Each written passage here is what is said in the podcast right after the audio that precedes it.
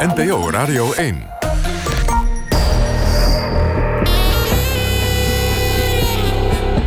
Argos. Onderzoeksjournalistiek van Human en de VPRO. Tessel Blok. Goedemiddag, welkom bij Argos. Met vandaag een reportage over 60 kinderen. Stelt u zich dat even voor. Dat zijn twee flinke schoolklassen. Of vijf voetbalteams. 60 alleenstaande vluchtelingenkinderen uit Vietnam. Die zijn verdwenen uit de beschermde opvang in Nederland. Beschermde opvang tegen mensenhandelaren. Hoe kunnen die kinderen zomaar in het niets opgaan? Laten we luisteren naar een reportage van Argos-redacteur Sanne Terlingen.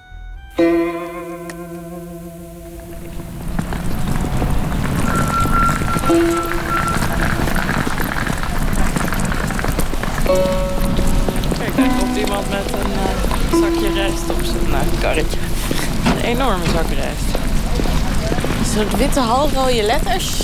Dong Quang Center Hal 1. We gaan nu door plastic heen. Nog niet zie ik glitterlichtjes. Ja, dit is echt alsof je Vietnam in zo'n overdekte markt binnenloopt. Heel bekend uit Azië. Vrijdagochtend in Oost-Berlijn. Op de Vietnamese markt in de wijk Lichtenberg krioelt het van de mensen. Alle kraampjes worden bemand door Vietnamezen. Hallo. Uh, wie veel? Do you speak English? Ja. How much? Ah. Nur 16. Lekker. Met mijn collega Geesje van Haren kijk ik stiekem in de keukens van restaurants en achter de balie van nagelstudio's. We zijn eigenlijk in Berlijn om een presentatie te geven over ons onderzoeksproject Lost in Europe. Meer dan 10.000 vluchtelingenkinderen zijn na aankomst in Europa verdwenen. Met een internationaal team van journalisten proberen we te achterhalen wat er met hen is gebeurd. Maar toen vroeg iemand uit het publiek: Hebben jullie al op de Vietnamese markt gekeken? En dus pakten we tussendoor gauw een taxi. Dong Quan Center Hal 2 hebben we hier. Hitman de bloem. Zijn tulpen. Even door het plastic ja. zeil heen. Echte zijdentulpen. Het klinkt idyllisch. Maar achter de gele bloemen en de kraampjes vol roze nagellak gaat een schaduwwereld verborgen waar we een jaar geleden nog geen idee van hadden. We begonnen Lost in Europe met wat rondvragen bij verschillende vluchtelingenorganisaties. Hoeveel kinderen zijn er eigenlijk kwijt? Uit cijfers die we ontvingen van het COA, de organisatie die in Nederland asielzoekers opvangt, blijkt dat alleen al in Nederland in vijf jaar tijd meer dan duizend kinderen verdwenen met onbekende bestemming. Vietnamese kinderen vormen een aparte groep, staat in interne e-mails van de organisatie. Deze vluchtelingen verdwijnen altijd. In principe, uh, alle minderjarige Vietnamese jongeren die in het Apel melden, die uh, worden zo'n beetje geplaatst in de beschermde opvang. Johan van der Haven is bij het COA verantwoordelijk voor de bijzondere opvang, waar de beschermde opvanglocaties onder vallen. Het werkt zo. Als een asielzoeker zich in Nederland in Ter Apel meldt en er zijn redenen om te denken dat hij minderjarig is, dan krijgt hij een voogd. Ziet de voogd dat een kind slachtoffer is van mensenhandel of daar een heel groot risico op loopt, dan wordt het kind doorgestuurd naar de beschermde opvang. Er zit een capaciteit van 50, 60 bedden voor de beschermde opvang. En meestal zitten daar zo'n 30 tot 35 jongeren in. En waar komen die vandaan? Er zitten veel Afrikaanse jongeren in. Maar daarnaast zijn het ook jongeren uit uh, Afghanistan, Vietnam. Maar zoveel Vietnamezen komen er niet in Nederland binnen, toch? En daarvan zit er wel vrij veel in de beschermde opvang, begreep ik. Deze jongeren die verdienen een bepaalde bescherming in relatie tot het netwerk waarin ze zitten. En ook vanuit de gedachte van deze jongeren kunnen wij mogelijk uit dat netwerk halen. Ik moet zeggen, helaas is dat tot op heden een, uh, een, een, groot probleem gebleken. Uh, de jongeren verdwijnen, ongeacht wat wij doen. Is er ook wel eens een Vietnamees teruggevonden? Daar kunnen wij eigenlijk niet zoveel over zeggen, omdat we die informatie niet hebben. Het COA gaat echt over de opvang en begeleiding vanuit zijn locatie. Op het moment dat de jongen bij ons verdwijnt, dan houdt het voor ons ook op qua verantwoordelijkheden en mogelijkheden. U weet niet of het goed met ze gaat of dat ze misschien in een uitbuitingssituatie zitten? Nee, dat weten we niet. Zeker 60 Vietnamese kinderen verdwenen de afgelopen vijf jaar uit de beschermde opvang. Dat blijkt uit cijfers die door Argos en Lost in Europe zijn opgevraagd. 60. Dat zijn twee volledige schoolklassen. Ik weet niet hoe de kinderen heten. En ik heb ook geen idee hoe oud ze zijn. Ik weet niet waar ze woonden in Vietnam en ook niet hoe ze hier naartoe zijn gekomen. Alleen de datum van hun uitschrijving staat op de lijst. En daarachter 60 keer dezelfde reden. Met onbekende bestemming. Staatssecretaris van Justitie en Veiligheid Mark Harbers schrok er niet zo van. Hij zegt dat eerdere onderzoeken niet hebben geleid tot de vaststelling van strafbare feiten. Ook op dit moment is bij de uitvoeringsorganisaties geen informatie bekend dat een smokkelnetwerk betrokken is bij de vermissing van minderjarige Vietnamese migranten. Goedemiddag. Hallo. Hallo. Ingrid. Hallo. Maar hoe kun je dat nou weten als je niet eens weet waar de kinderen zijn? Ik begin op de plek waar de kinderen voor het laatst zijn gezien. De opvang van Xonar Jeugd en Opvoedhulp. Ergens op een geheime locatie in het zuiden van het land. Na maanden heen en weer mailen krijg ik eindelijk toestemming om binnen te kijken. Coördinator Ingrid leidt ons rond. We zijn de eerste journalisten die naar binnen mogen, zegt ze. Er gelden wel een aantal voorwaarden. We staan nu in de woonkamer met een aantal jongens. Is dat een probleem als we hier gewoon tussen de jongeren nu staan met onze recorder? Nou, de jongeren die hier zijn, zijn vooral druk bezig met de tv om die weer aan het werk te krijgen. Dus dat is niet zo'n probleem. Nee. Wat, Mogen we de jongeren ook vragen stellen? Of nee, we hebben afgesproken dat we dat niet doen. Nee. En wat hebben we nog meer afgesproken dat we dat niet doen? Alle vragen die eh, mogelijk herleidbaar zijn tot nationaliteit of naar identiteit, eh, dat we daar geen antwoord op geven. Het is belangrijk dat we toch in de luwte blijven ook, vanwege de doelgroep die hier zit en de kwetsbaarheid daarvan. Ja, dus ik bedoel, als je jongeren hebt die mogelijk slachtoffer worden van mensenhandel... dan ga je niet uh, uitgebreid met hun nationaliteit, identiteit, locatie op de radio. Nee, precies. Want dan, ja, dan zijn ze ook vindbaar. Ja, dat moeten we gewoon niet hebben. Waar we vooral op willen insteken is van hoe ziet het eruit hier dagelijks. Ja, dus deze jongere gaat nu koken. En hij is heel zorgzaam, want hij kookt ook voor alle anderen. Uh, Ik zag hem net een hele grote vis erbij pakken inderdaad. Ja, dat klopt. Ja. Ik weet niet wat hij maakt, maar wat je ook pakt, het smaakt allemaal heel erg lekker. En hoe ze dat doen, geen idee. De medewerkers ontvangen ons heel hartelijk. Maar al tijdens de koffie blijkt dat ze niks kwijt willen over de Vietnamezen die hier hebben gewoond. Daarom baseer ik me op interne e-mails die vanuit deze opvang zijn verstuurd. Daarin staat dat in juni 2017 een jongen en een meisje zijn verdwenen. Pupil droeg op de dag van vertrek een lange broek terwijl ze daarvoor bij warm weer altijd een korte broek droeg. Alle persoonlijke bezittingen zijn achtergebleven. Ventilator stond nog aan, knutselspullen lagen nog op bureau. Mentoren denken dat ze onder druk is opgehaald. Drie maanden later verdwijnt opnieuw een Vietnamese jongen. Hij is om kwart over elf ochtends voor het laatst gezien door zijn mentor. Op zijn vermissingsformulier staat... Hij zou de volgende dag aangifte doen tegen een mensenhandelaar. Hij wist dit sinds een paar dagen. De jongen was ook als getuige gehoord na de vermissing van andere jongens. Toen zei hij dat hij hen al eerder had ontmoet, namelijk in de woning waar ze zijn aangetroffen door de marechaussee. De jongen reisde via Rusland naar Europa. Hij wilde naar zijn zus in Engeland, maar degene die hem hielpen om zijn reis te organiseren, pakte zijn paspoort af. Er stond een gevouwen kraanvogel. In zijn cultuur een teken van afscheid. We zien dat twee meisjes papieren zwaantjes aan het vouwen zijn. We hebben dit ritueel vaker gezien, vlak voor verdwijning. We gaan nu waakdiensten draaien in plaats van slaapdiensten. De meeste dagen in de opvang zijn heel normaal, zeggen de medewerkers. Het zijn gewoon tieners die hier wonen. In de ochtend gaan de jongeren naar school. Dus die uh, vertrekken rond negen. En dat is dan ook onder begeleiding van een mentor. We hebben jongeren die echt letterlijk nog nooit een wasmachine hebben gezien. Dus die beginnen wat dat betreft al met een 1-0 achterstand... puur om te wennen aan de westerse wereld. Fase 1 houdt natuurlijk in dat wij hen begeleiden... en constant eh, in het oog moeten houden voor hun eigen veiligheid. Nou, in de pauze is het moment dat wij bijvoorbeeld samen zitten met de jongeren... samen een eh, kopje thee drinken en vragen hoe het op school was. En waarom die momenten heel belangrijk zijn.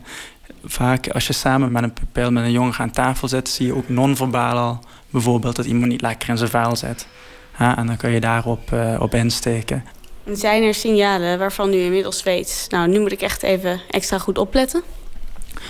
We hebben een uh, pupil op de groep die... Uh, ja, als ze bepaalde muziek draait... Hè, is de kans groot dat ze binnen een uur helemaal uh, down is. Heel erg verdrietig is. In november 2017 verdwijnen opnieuw twee Vietnamese jongens. Een van hen draagt een gebreide trui met kerstmotief en een sportbroek. Hij is de dag voor vertrek bellend gezien bij de kerk, terwijl hij geen telefoon mag hebben. Vroeg voor vertrek herhaaldelijk om weersverwachting voor vandaag en morgen. Dit was opvallend. We hebben bij het inspecteren van zijn kamer een aantal teksten ontdekt die zich met Google Translate lieten vertalen als: Kan iemand me helpen? Vanochtend sprak ik een docente van school en ze gaf aan een schriftje te hebben gevonden. Op de voorkant staat afscheid. In het schriftje staan wat vertalingen van Nederlandse woorden, zoals zolder. Er staan vragen in over geld lenen, terugbellen, heb je een probleem? Daarnaast gaf de docent aan dat ze de muziekleraar gesproken had, die aangaf dat hij een briefje had gevonden. Hierop stond: Thank you for everything. I never see you back. Hoe vaak is het voorgekomen dat bewoners van deze locatie uh, zijn verdwenen? Je hebt alle gegevens waarschijnlijk. Ja, maar het ja. leek me logischer om het aan u zelf ook te vragen. ja, dat snap ik, maar dat ga ik niet doen. Nee, dat is een afspraak die we hebben gemaakt. Uh, we gaan geen cijfers of herleidbare gegevens verstrekken. Soms kan het voorkomen dat je letterlijk een situatie hebt dat we alleen maar een pupil meelopen tot het einde van het terrein. En dan blijven wij wijzen op de mogelijke consequenties van een keuze. Helaas, en dat is ook een, uh, ja, een uitdaging voor ons als uh, jeugdzorgwerkers, kunnen we niet fysiek ingrijpen. We kunnen ze niet hier houden. Op de site van de politie vind ik een nieuw vermissingsbericht. Twee dagen voor mijn bezoek aan de beschermde opvang is Doek verdwenen. 14 jaar, 1,70 meter lang. Hij droeg een zwarte trui met daarop het logo Unknown. Het lijkt misschien alsof de opvang en het COA niets proberen, maar dat is niet zo. Er is zelfs een speciale Vietnamese brainstorm georganiseerd. Wat heeft tot nu toe niet gewerkt? Decentraal opvangen. Een groep, jongens en meiden bij elkaar. Inzet Vietnamese medewerker op de groep. Opbouwen vertrouwensrelatie. Cameratoezicht. Periodieke inzet nachtwakers. Jongeren afsluiten van mobieltjes.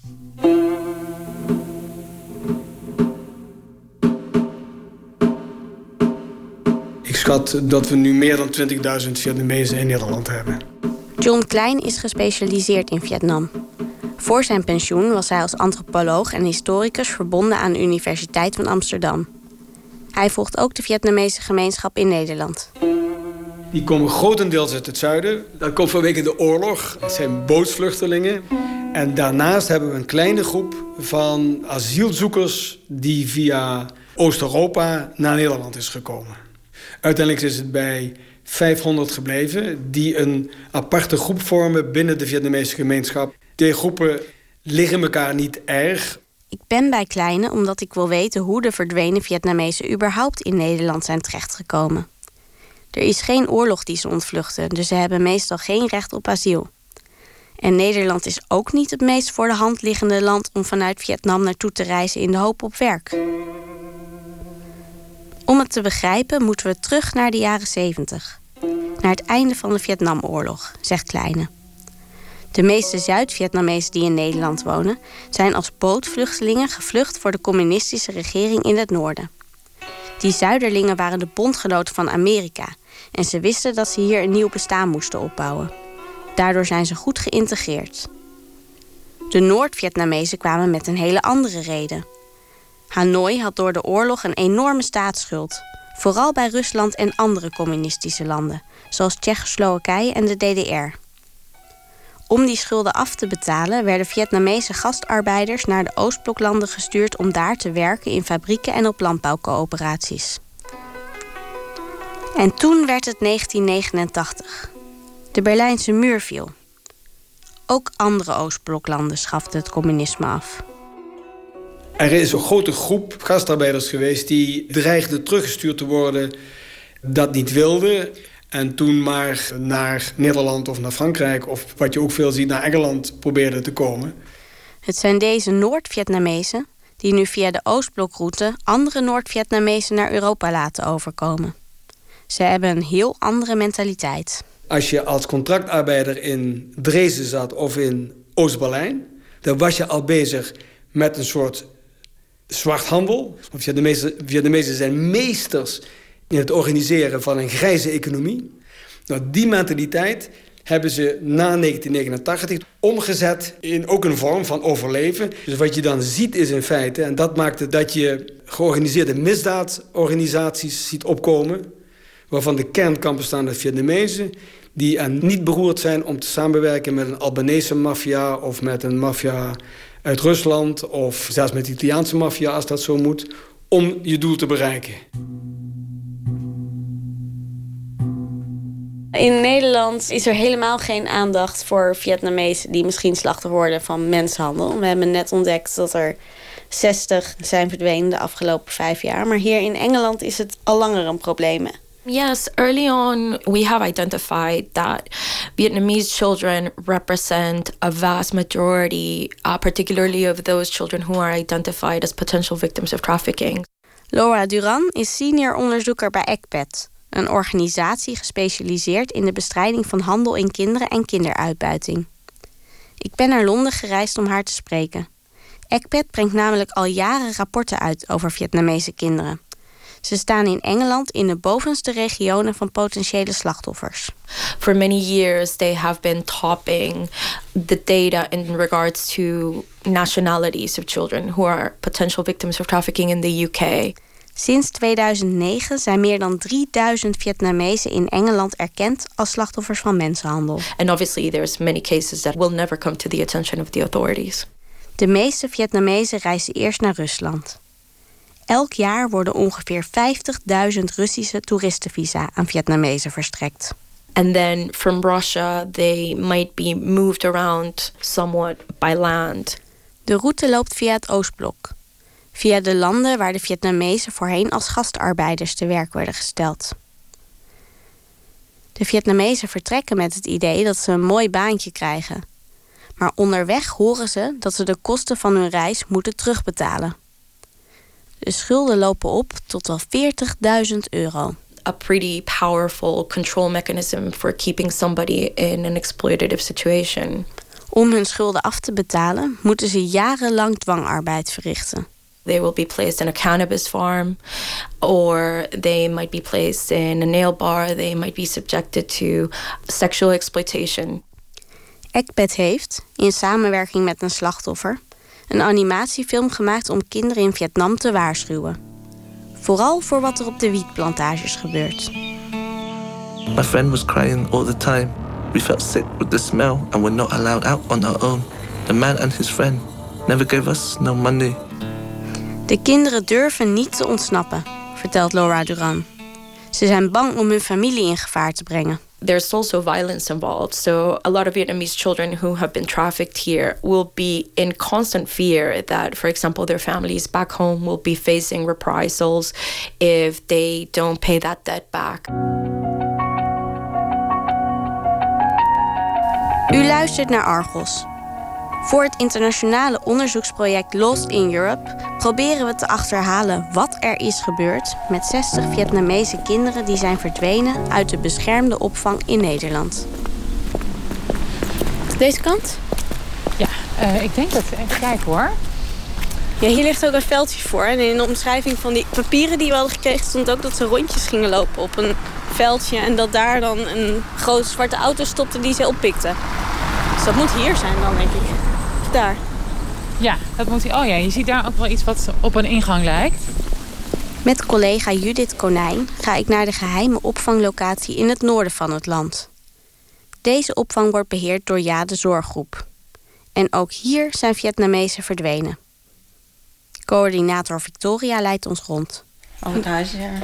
ja. Dit is in het schilderij van iemand uit Vietnam. Ja. ja. Hij heeft haar eigen straat getekend, eigen plek waar hij geboren was. Wie begint met zingen? Ja. Ze hebben ook heimwee. Wat is er gebeurd met uh, die jongen die dit schilderij gemaakt heeft? Woont hij hier nog? Nee. Dit schilderij was uh, gemaakt vier jaar geleden. Hij woont niet meer. Is hij weggelopen? Ja. Jammer. Van de woonkamer gaan we naar de knutselkamer. Medewerksters Lopke, Dominique en Liberte lopen mee. In de gang hangt een plattegrond. Sommige jongeren lopen meteen door en tekenen dit over. Zodat ze een idee hebben van waar alle uitgangen zijn in dit gebouw. Ja. En uh, als ze komen, uh, ze krijgen, nou ja, op papier, ze zijn uh, 14 jaar en krijgen potloden om te kleuren. En soms zien wij meisjes hier bezig te zijn. Dus dat gelijk even zeggen wij, oh, let op, hier gaat iets anders gebeuren. De meiden slapen boven. Mag ik even snel jouw camera laten zien? Oudste baby. Jij 20 pas? Kom maar kijken. Oh. Dit is mooi, de Hij was muziek aan het luisteren. Ja. Hoe mooi. S'avonds gaat de alarm hier aan. Dus ja, als kinderen proberen even weglopen, dan krijgen zij alarm. Gebeurt dat vaak? Nee, nee. Nee, we krijgen wel eens eh, hè, verdachte auto's. eh, auto's die s'nachts staan te knipperen met de koplampen. Auto's die heel langzaam langs de locatie rijden. Personen die staan te kijken. Ja, personen inderdaad. Ja. En politie is heel snel Ja. Ja. Ja. Ja, die kennen de doelgroep eh, dat hier zit. Liberte werkt zeven jaar in de beschermde opvang. Dominique al meer dan tien jaar. Ze vertelt over twee zusjes. Ze zei letterlijk, het jongste zusje... ik kwam hier binnen als afval... en eh, jullie als mentoren hebben mij opgeraapt... en weer een mens van mij gemaakt. Nou, dat raakte mij zo erg. Ik denk van ja, en daarom doe ik dit werk. Kunt u dus iets vertellen over de achtergrond van deze zusjes? Hoe ze bij jullie terecht zijn gekomen? Eh, ja, dit zijn echt slachtoffers mensenhandel... zijn echt uit de prostitutie gehaald... En eh, toen zijn ze bij ons gebracht. Na ja, maanden, jaren zwerven. En misbruik. Hoe oud zijn ze nu? 15 en 17, ja. Hebben alle meisjes die hier wonen zo'n achtergrond? Nee, de meeste wel. Dat zijn echt slachtoffers mensenhandel die uit de prostitutie komen. Maar we hebben ook orgaandonoren, eh, dwangarbeid, eh, moderne slavernij heet dat dan. Die hebben wij ook eh, in de opvang. Zijn al die jongeren hier dan terechtkomen, zijn die ook blij dat ze hier dan door jullie worden opgevangen? Nee. Nee. Ja, de mensen die hun aan het uitbuiten waren, de mensenhandelaren, die zijn naar hun op zoek. En wij verbreken elk contact op dat moment. Ja. En daarvan raken ze in paniek. Ja, dat kan ook stress veroorzaken. hè. Je weet niet wat de handelaren gezegd hebben tegen ze... waarmee ze bedreigd eh, worden. De Vietnamezen doen echt alles om uit de opvang weg te komen, zegt Dominique. Ja, ze zijn op- op de meest creatieve manieren hier eruit gegaan. Ja. Door de kleinste raampjes. Dat ze gewoon, kosten wat het kost, hier weg moeten. Ja. Omdat ze terug moeten naar de handelaar. Omdat anders hun familie vermoord wordt. Meestal is het ramen forceren, deuren forceren, eh, schroeven. bij het inbraakalarm, bij het, het systeem plakken, magneetjes. Dat kunnen wij gewoon niet tegenhouden. Ze observeren ons, ze houden ons in de gaten. Ze weten precies wat wij doen en eh, wat wij niet doen. Ja, Hoe lang we iets doen, waar we het doen, eh, Ja. waar we zijn, hoe lang dat duurt, dat weten ze echt eh, exact. Ze weten precies in wat voor opvang ze terechtkomen. Ze weten precies dat wij hun mobieltjes innemen. Ze geven ons een mobiel en houden de anderen hè, in hun ondergoed. ja. Ja. en dat, Ja, en ze weten van, vaak van tevoren lijken ze al te weten waar ze zijn.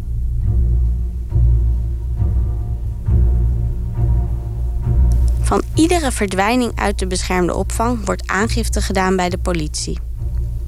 In 2015 verdwenen zoveel Vietnamezen dat er een speciaal opsporingsonderzoek werd opgestart. Onder de codenaam Pasadena onderzoeken de Landelijke Recherche, de Marechaussee en het team Mensenhandel en Mensensmokkel van de regionale eenheid Noord-Nederland de verdwijningen van 33 minderjarige Vietnamezen. De politie denkt dat de beschermde opvang wordt gebruikt door mensenhandelaren. Dat lezen we in interne e-mails. Het lijkt er dus op alsof ze hier moeten zeggen dat ze minderjarig zijn, om zo bij de beschermde opvang te worden geplaatst. Daar worden ze weer opgepikt om verder te worden gesmokkeld. Mogelijk naar Engeland dus. En mogelijk met uitbuiting als doel.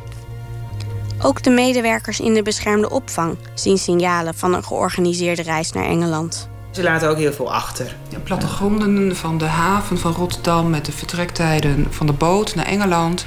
Het, het is zo'n netwerk wat daar omheen zit, hè, waar wij verder niks van af weten. Maar wat gewoon opvalt bij ons in de opvang is dat die meiden en de jongens al voorgeprogrammeerd zijn. En wie zit daarachter en wie organiseert dat alles? Op dezelfde dag uh, uh, worden de kinderen opgehaald uh, van verschillende locaties. Dus daar zit iemand achter die ons kent. Dus zo worden jullie eigenlijk door de handelaar ook ingezet als tussenstation? Ja, tussenstation. De politie vergelijkt de verdwijningen van de Vietnamese kinderen begin 2016 nog met de mysterieuze verdwijningen van Nigeriaanse meisjes, die uiteindelijk in de prostitutie bleken te belanden. Maar Pasadena wordt binnen twee maanden alweer afgesloten. Eigenlijk voor het onderzoek goed en wel is opgestart. Het onderzoek is beëindigd omdat er geen aanwijzingen waren voor mensenhandel en minderjarigheid van de Vietnamezen. In de vertrouwelijke rapportage staat dat de meeste Vietnamezen die zich aanmelden als minderjarig per vliegtuig reizen. De marechaussee heeft scans opgevraagd van de paspoorten en van de tickets. Daaruit bleek dat ze op het paspoort van een volwassene zijn gereisd. Volgens Vietnamdeskundige Kleine valt daar helemaal geen conclusie uit te trekken. Als je Hanoi een beetje kent, daar is een straat die heet gewoon de Stempelstraat. Vietnamezen zijn meester in het vervalsen van stukken. Want als je in een communistisch regime woont, wat zich nogal confucianistisch opstelt, dan zijn papieren en stempels zijn ontzettend belangrijk. Meer hoef je niet te weten. Dus kan je, als je onderzoek doet naar Vietnamezen, uitgaan van de papieren waarmee zij een vliegticket hebben gekocht? Nee, want uh, de corruptie uh, tiert welig in Vietnam. Dus daarmee, het verbaast me niks dat er tickets gewoon worden gekocht uh, met het paspoort van een ander. De politie negeert duidelijke signalen van mensenhandel. Zo betaalden veel Vietnamezen niet zelf voor hun ticket. Ze hebben het over een man die ze heeft geholpen. Ze kregen allemaal hetzelfde bruine koffertje, nieuwe schoenen van Nike en een trainingspak van Adidas. In de koffertjes van twee meisjes zat sexy lingerie. Valse paspoorten zijn een strategie, weet Vietnam-expert Kleine, waardoor kinderen kunnen worden uitgebuit. Dat is in Duitsland al lang bekend. Die manicuurstudio's zie je vaak één of twee legale Vietnamezen en drie of vier illegale, vaak minderjarigen, die nog met behulp van vervalste paspoorten bij een eventuele politieinval kunnen bewijzen dat ze al lang in Duitsland zijn terwijl ze net zijn aangekomen. Die Vietnamese kinderen vertellen dat niet aan de politie, zegt Kleine. Er is een dubbele belemmering. Je praat niet over je leed met buitenstaanders. Maar je hebt ook geleerd, als je dus in een communistische samenleving hebt uh, gewoond... je praat ook niet zo makkelijk in klagende zin naar buitenstaanders... omdat dat gevaarlijk voor je kan zijn. Er is nog steeds een goed werkende geheime dienst in Vietnam. Er valt nog iets op in het Pasadena-rapport. Over de Vietnamezen die over land reisden, via de Oostblokroute... heeft de politie helemaal niets achterhaald. Er is geen informatie bekend geworden over de leeftijd van de Vietnamezen. Anders dan dat zij zelf verklaarden minderjarig te zijn. Er is een heel duidelijke Europese richtlijn. Daarin staat: als de leeftijd van een slachtoffer van mensenhandel niet zeker is en er redenen zijn om aan te nemen dat deze leeftijd minder is dan 18 jaar, dat diegene dan altijd als minderjarig moet worden beschouwd en onmiddellijk bijstand, ondersteuning en bescherming moet krijgen. Maar in het Pasadena-onderzoek concludeert de politie. Het is aan te bevelen om daar waar signalen zijn van minderjarigheid, deze te onderzoeken en de werkelijke leeftijd proberen vast te stellen. Dit om te voorkomen dat de meerderjarige onterecht in de beschermde opvang blijft en bij eventuele vermissing gesignaleerd wordt als vermiste minderjarige. De politie doet dus geen onderzoek naar de signalen van mensenhandel en ook niet naar de verdwijningen. Ze onderzoeken vooral of ze een paar vermiste kinderen van hun zoeklijstje kunnen afstrepen.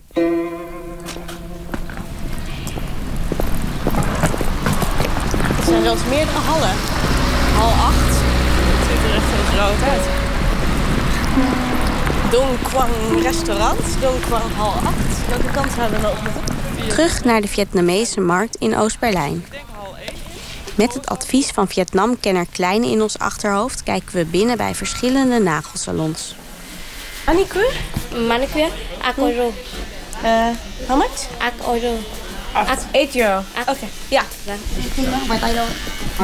In de zesde nagelstudio die we binnenlopen zien we een meisje. Ze heeft een grappig wipstaartje en een lichtroze sweater. Hoe oud zou dat meisje zijn? Ja, ik denk dat ze uh, wat gaat tussen de 12 en 14 is. Ik vraag het meisje of ze mijn nagels wil doen. Ze is net uit Vietnam gekomen. Praten gaat moeilijk, want ze spreekt nauwelijks Engels en ook geen Duits of Frans. Ik wil haar niet in de problemen brengen, dus vertel ik op de radio verder geen details. Van Vietnam. Vietnam. Het wordt niet duidelijk waar het meisje woont en of ze in Duitsland familie heeft. Ze buigt zich met een knippertje over mijn nagels terwijl ze eigenlijk op school hoort te zitten. Het is hier op de markt onmogelijk om de verwevenheid van Vietnamezen met nagelsalons over het hoofd te zien. Hier is gewoon een winkeltje waar ze bordjes met nagelstudio verkopen. Ja. Hierboven je nagelstudio kan hangen als je er eentje opent. Ja, ja. een soort disco flipperend uh, nagelstudio bordje. Berlijn is een van de laatste haltes van de Oostblokroute. Maar wat is er eigenlijk over die route bekend? Ik vraag het het Centrum voor de Georganiseerde Misdaad van de politie in Tsjechië. Ze verwijzen me door naar wetenschapper Miroslav Nozina. Die stuurt me zijn onderzoek naar de donkere kant van de Vietnamese migratie. Ik lees over fake arbeidsbureaus die jongeren in Vietnam onder valse voorwendselen naar Europa lokken. Er worden hen baantjes beloofd als accountants, serveersters of afwassers in restaurants. De smokkelaars zijn Chinezen en Vietnamezen, maar ook Russen, Oekraïners, Tsjechen, Albanese en Polen. De baantjes bestaan niet. Maar als de jongeren, eenmaal aangekomen in Europa, niet snel genoeg hun reisgeld terugbetalen, zetten de mensensmokkelaars ze op allerlei manieren onder druk. My name is Chloe.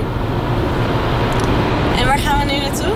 We are going to Marquion, which is a French small city next to Cambrai, in the north of France.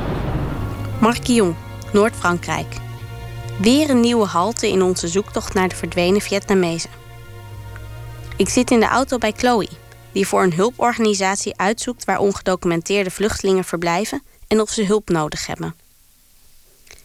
Eerst sliepen de Vietnamezen in een oude kolenmijn bij Angres, maar dat kamp is vorige lente ontruimd door de politie. Nu zijn de Vietnamezen verspreid over Fouquier-le-Bethune, een buitenplaats van Calais, en Marquion. We think that uh, they go in this place in Marquion because the smugglers put them here. And Uit Franse asieldossiers blijkt dat bijna alle Vietnamezen die daar zijn aangehouden zeggen dat ze worden bedreigd door de maffia. Ik mocht die dossiers inzien op voorwaarde dat ik niet vertel waar ik ze vandaan heb. There are some people speaking a little French who might be smugglers, we don't know. When these people are around, it's more difficult to talk with the... Hulpverleenster Chloe vermoedt dat de lange arm van de smokkelorganisaties tot in het kamp in Marquion reikt. Zo, we zijn er. Een groot grasveld met verder heel veel modder. Twee bandensporen door de modder, maar daar kunnen wij niet doorheen. Want dan uh, blijft de auto steken. Het kamp van de Vietnamezen ligt uit het zicht, achter een bosje. Als we dichterbij komen zien we twee grote slaaptenten, een waslijn en een overkapping waaronder wordt gekookt. Salad, salad. Salad. Ja, salad. Kook. Wauw. Quảng ơi, ngon. Đó anh... Al snel komt de enige Engels sprekende man naar ons toe. Louis noemt hij zichzelf. Hij gebaart dat we aan een tafeltje moeten zitten en schenkt koffie in. Heel gastvrij, maar zo verhindert hij dat we in het kamp kunnen rondkijken. Nadat we een uur zijn blijven zitten, besluit Louis dat we mee mogen eten.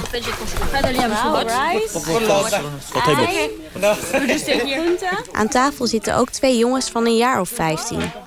Ze zijn hier alleen.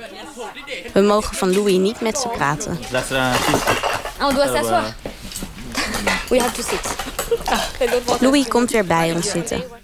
Ze zitten allemaal al maanden vast in het kamp, zegt hij. Zelfs met de VIP, omgebouwde vrachtwagens waarvan de chauffeur is omgekocht, slaagt niemand er meer in om naar Engeland te komen. Per keer dat ze het proberen, groeit hun schuld met 14.000 euro. People come here too much, stay here one month, two months after no possible go to England after come back. De vraag is wat de Vietnamezen nu gaan doen. Want de druk van de Vietnamese maffia om schulden af te betalen is hoog, zegt de Tsjechische wetenschapper Nozina. Volgens hem houdt de Vietnamese maffia zich bezig met steeds meer criminele activiteiten, variërend van afpersing, drugshandel en mensensmokkel tot huurmoorden. Nozina omschrijft zelf specifieke groepen. De Black Suns Group pleegt vooral geweldsmisdrijven, ook in Duitsland en Frankrijk. De groep van Xuan beheert de sigarettenhandel. Georganiseerde prostitutie is in handen van de groep van Vung Vang Vu. Ik hoop dat ik het goed uitspreek. En verschillende organisaties helpen de Eastern Branch Group met de smokkel van Vietnamezen naar Duitsland.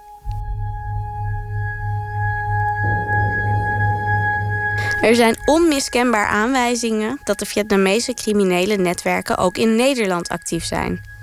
Al in 2012 publiceerde Bureau Beke, nota bene in opdracht van de Raad van Korpschefs van de politie, het rapport Oosterse Teelt.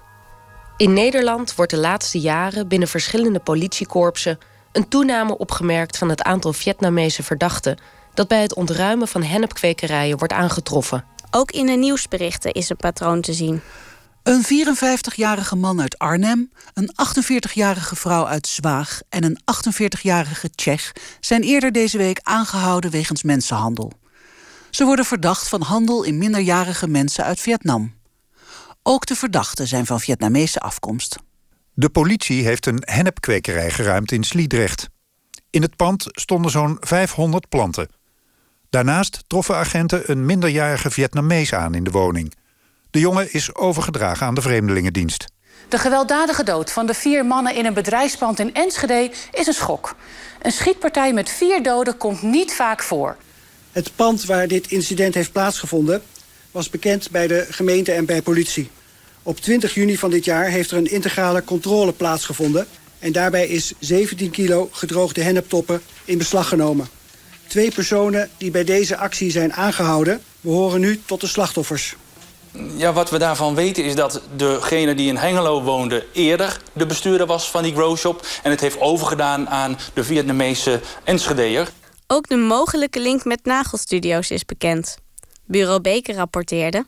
De aanwezigheid van een groeiend aantal nagelstudio's in Europese landen... wordt in verband gebracht met het witwassen van criminele opbrengsten uit de hennepteelt. De NOS besteedde pas nog aandacht aan uitbuiting in die nagelsalons. Die nagelsalons die schieten dan ook als paddenstoelen uit de grond. In het jaar 2013 waren er nog 6000. Vorig jaar waren dat er al bijna 9000. En het zijn die budgetsalons waar we nu op inzoomen. Ze worden vaak gerund door Vietnamezen. Zes organisaties wisten ons te vertellen dat ze zeker weten... dat er ook hier in Nederland mensen worden uitgebuit in nagelsalons. Met name Chinezen en Vietnamezen. Begin dit jaar trekt de burgemeester van Westervoort aan de bel. Hij is de voorzitter van het Gelders Samenwerkingsverband van gemeente, politie en openbaar ministerie. Ook voor het telen van hennep wordt gebruik gemaakt van slaven, zegt hij tegen het AD. In toenemende mate ontdekt de politie bij het oprollen van een wietkwekerij mensen in het pand die niet eens weten waar ze zijn en daar onder dwang planten verzorgen en wiettoppen moeten knippen. Als we Vietnamezen aantreffen in een hennepkwekerij, dan weten we dat het foute boel is. Vorige maand zei staatssecretaris Van Ark van Sociale Zaken, mede namens staatssecretaris Harbers van Justitie. Het is niet goed te beoordelen of het aannemelijk is dat zich criminele netwerken achter de nagelsalons verschuilen. Ook vanuit het expertisecentrum Mensenhandel en Mensensmokkel komen geen dergelijke signalen. Ik heb het journaal van dat expertisecentrum in mijn bezit. Het is onderdeel van de 600 pagina's aan interne documenten die ik van de politie kreeg, via een verzoek om informatie via de Wet Openbaarheid Bestuur. In het journaal is te lezen dat allerlei instanties onderzoeken hadden lopen naar misstanden binnen de Vietnamese gemeenschap. Al in juli 2016 uitte de politieeenheid Limburg, de marechaussee en de inspectie Sociale Zaken en Werkgelegenheid de wens dat er over onderzoeken heen gekeken gaat worden. Als je de info nooit combineert, weet je dat nooit. Volgens ons is het expertisecentrum in deze de kennisautoriteit die zo'n rol op kan pakken. Twee weken later vraagt de politie Limburg of het expertisecentrum een analist kan toevoegen aan hun onderzoek Lotus, dat zich richt op de verdwijning van drie Vietnamese meisjes. De meisjes verdwenen in mei 2016 uit de beschermde opvang, nog geen maand nadat het politieonderzoek Pasadena, waarover we het eerder in deze uitzending hadden, was afgerond. In het journaal van het expertisecentrum staat. Ik heb hier negatief op moeten antwoorden. Het EMM heeft geen capaciteit om hier een rol in te spelen. Na drie maanden meldt de eenheid Limburg zich opnieuw. Ze hebben twee verdachten van Vietnamese komaf aangehouden. Maar er zijn er meer. Gezien de capaciteit van het onderzoeksteam Lotus ligt het niet binnen onze mogelijkheden om de achterliggende organisatie volledig in kaart te brengen. Graag wil ik dan ook een afspraak maken om te bespreken op welke wijze we onze restinformatie met jullie gaan delen. Om tot het resultaat te komen dat het landelijk opgepakt gaat worden. December 2016 ontvangt het expertisecentrum ook een melding uit Frankrijk. Van het parket van Bobigny. Ze zijn al een stap verder dan wij en willen graag overleg met een operationele ploeg om eventueel gezamenlijk op te trekken. De info die wij van hen hebben wijst ook op een mogelijk Nederlands verband. Maar zover zijn we nog niet. Ik bespeur vanuit het land ook niet direct animo om dit eens goed op te pakken. De Fransen hebben ons een lijst met data gestuurd. Je hoeft verder geen acties etc. te ondernemen, alleen de data controleren. Een jaar later arresteert de marechaussee drie personen die door Frankrijk zijn aangewezen: twee Vietnamezen en een Tsjech. Ze worden verdacht van de smokkel van minderjarigen. Er worden ook twee wietplantages aangetroffen. Wat is er met de gesmokkelde kinderen gebeurd? Ik vraag het OM om een reactie. De jonge Vietnamezen zijn geplaatst in een opvang voor minderjarigen, maar zijn daar vertrokken terwijl het onderzoek liep. In een intern verslag van het onderzoek, dat is gedaan door de marechaussee, lees ik dat de telefoon van een verdachte in relatie is te brengen met de beschermde opvang. Toch volgt er, wederom, geen breder onderzoek. Wel komt er in april vorig jaar een berichtje binnen bij de politie en bij de beschermde opvang. Een van onze vermiste jongeren is teruggevonden in Engeland. Deze jongen heeft aangegeven dat hij een signaal heeft ontvangen op zijn mobiele telefoon om te vertrekken vanuit de beschermde opvang. De jongen is minderjarig, staat in het bericht. Hij is zelf naar de politie gegaan om aan zijn situatie te ontkomen. Hij zat opgesloten op een wietplantage. Bij het expertisecentrum komt in de zomer weer een nieuwe melding binnen. Een regionale politieeenheid onderzoekt de verdwijning van een Vietnamees meisje. Zij denken dat ze is opgepikt om verder te worden gesmokkeld. Ze zeggen letterlijk: mogelijk met uitbuiting als doel. We kunnen ons niet voorstellen dat dit de enige casus is. Dus ik vroeg me af of er een landelijke organisatie bezig is met dit zorgelijke fenomeen. Ik hoor het graag.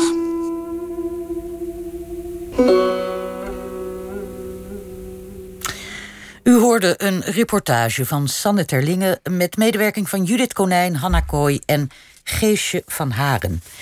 Bij mij hier in de studio zit Ina Hut. Hartelijk welkom. Dank u wel. Directeur van Comensa.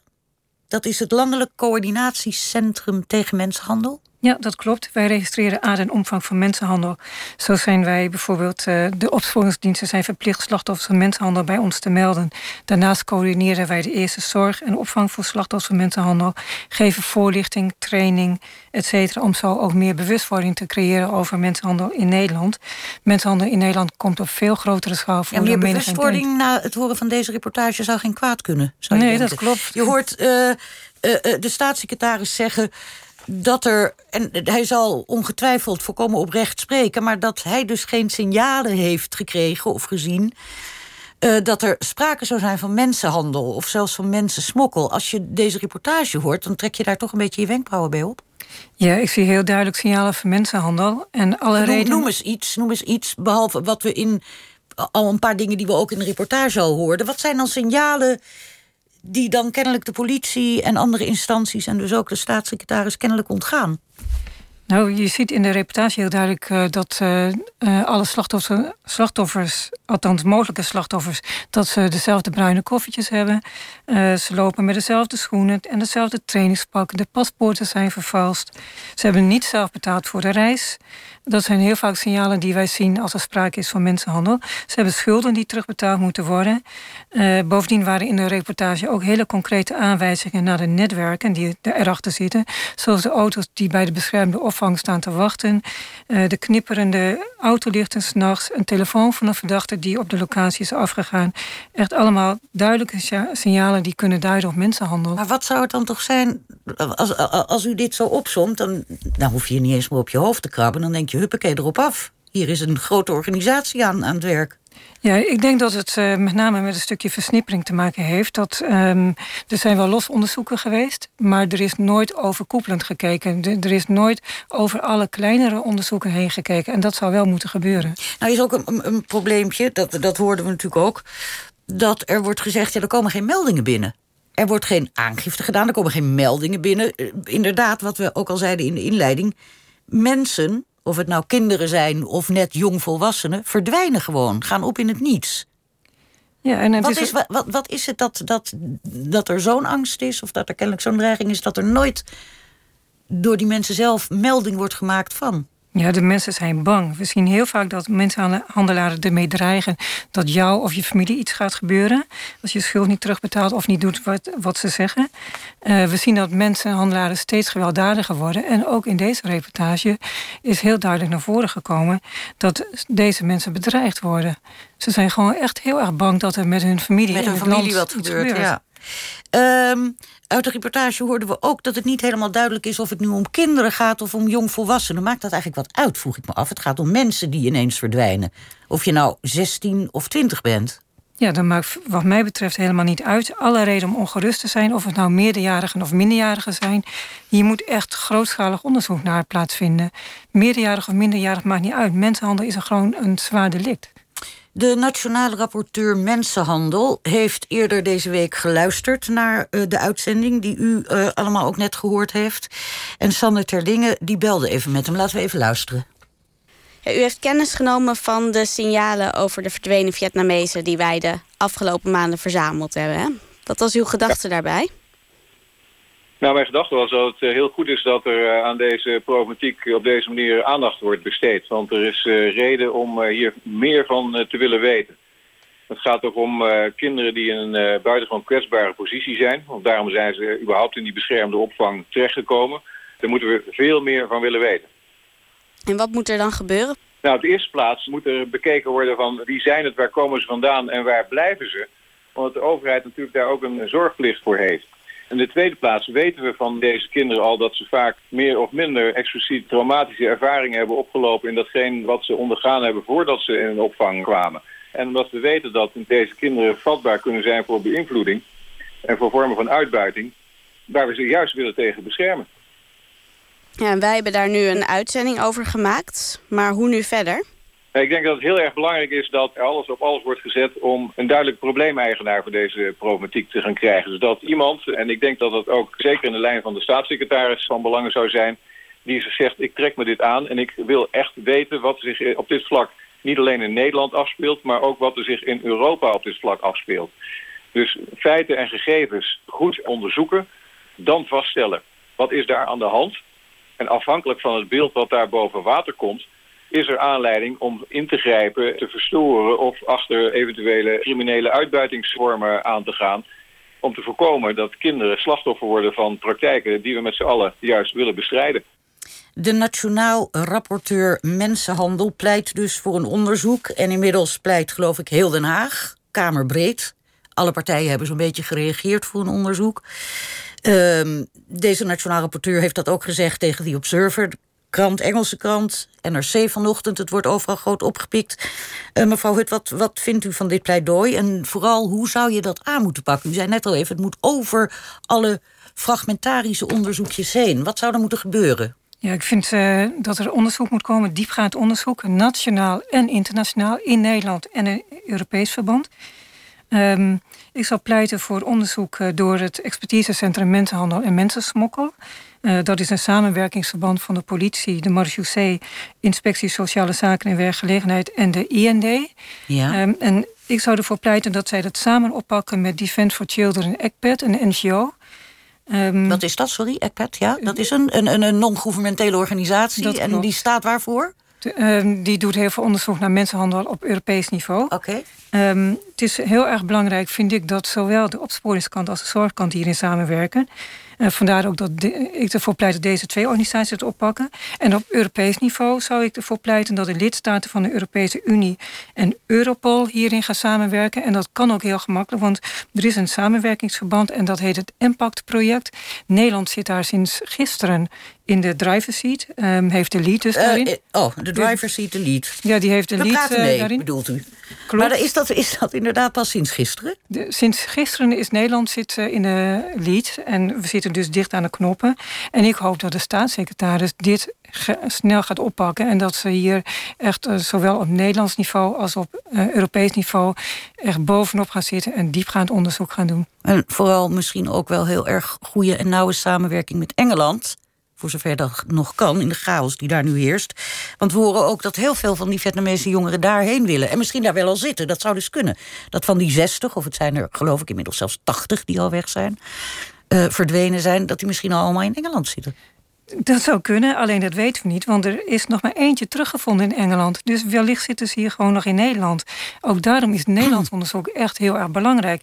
Wie weet uh, zitten ze hier wel in de wietteelt... of in de gedwongen prostitutie of in de nagelsalons. Dat weten we niet. De, het blijkt ook dat het steeds moeilijker wordt... voor deze mogelijke slachtoffers om naar Engeland te komen. En dus zoeken ze andere wegen. Ja. Nou, en we is... moeten het probleem echt inzichtelijk krijgen. Waar komen de slachtoffers vandaan? Wat speelt er? Waar zijn ze gebleven? En welke netwerken zitten erachter? Ja, het is duidelijk, de oproep. En uh, wat ik al zei, Den Haag heeft in elk geval uh, op grote schaal gehoor gegeven. Kamerbreed is er gevraagd om een onderzoek. En we mogen aannemen dat staatssecretaris Harbers dat niet zomaar naast zich neer zal leggen.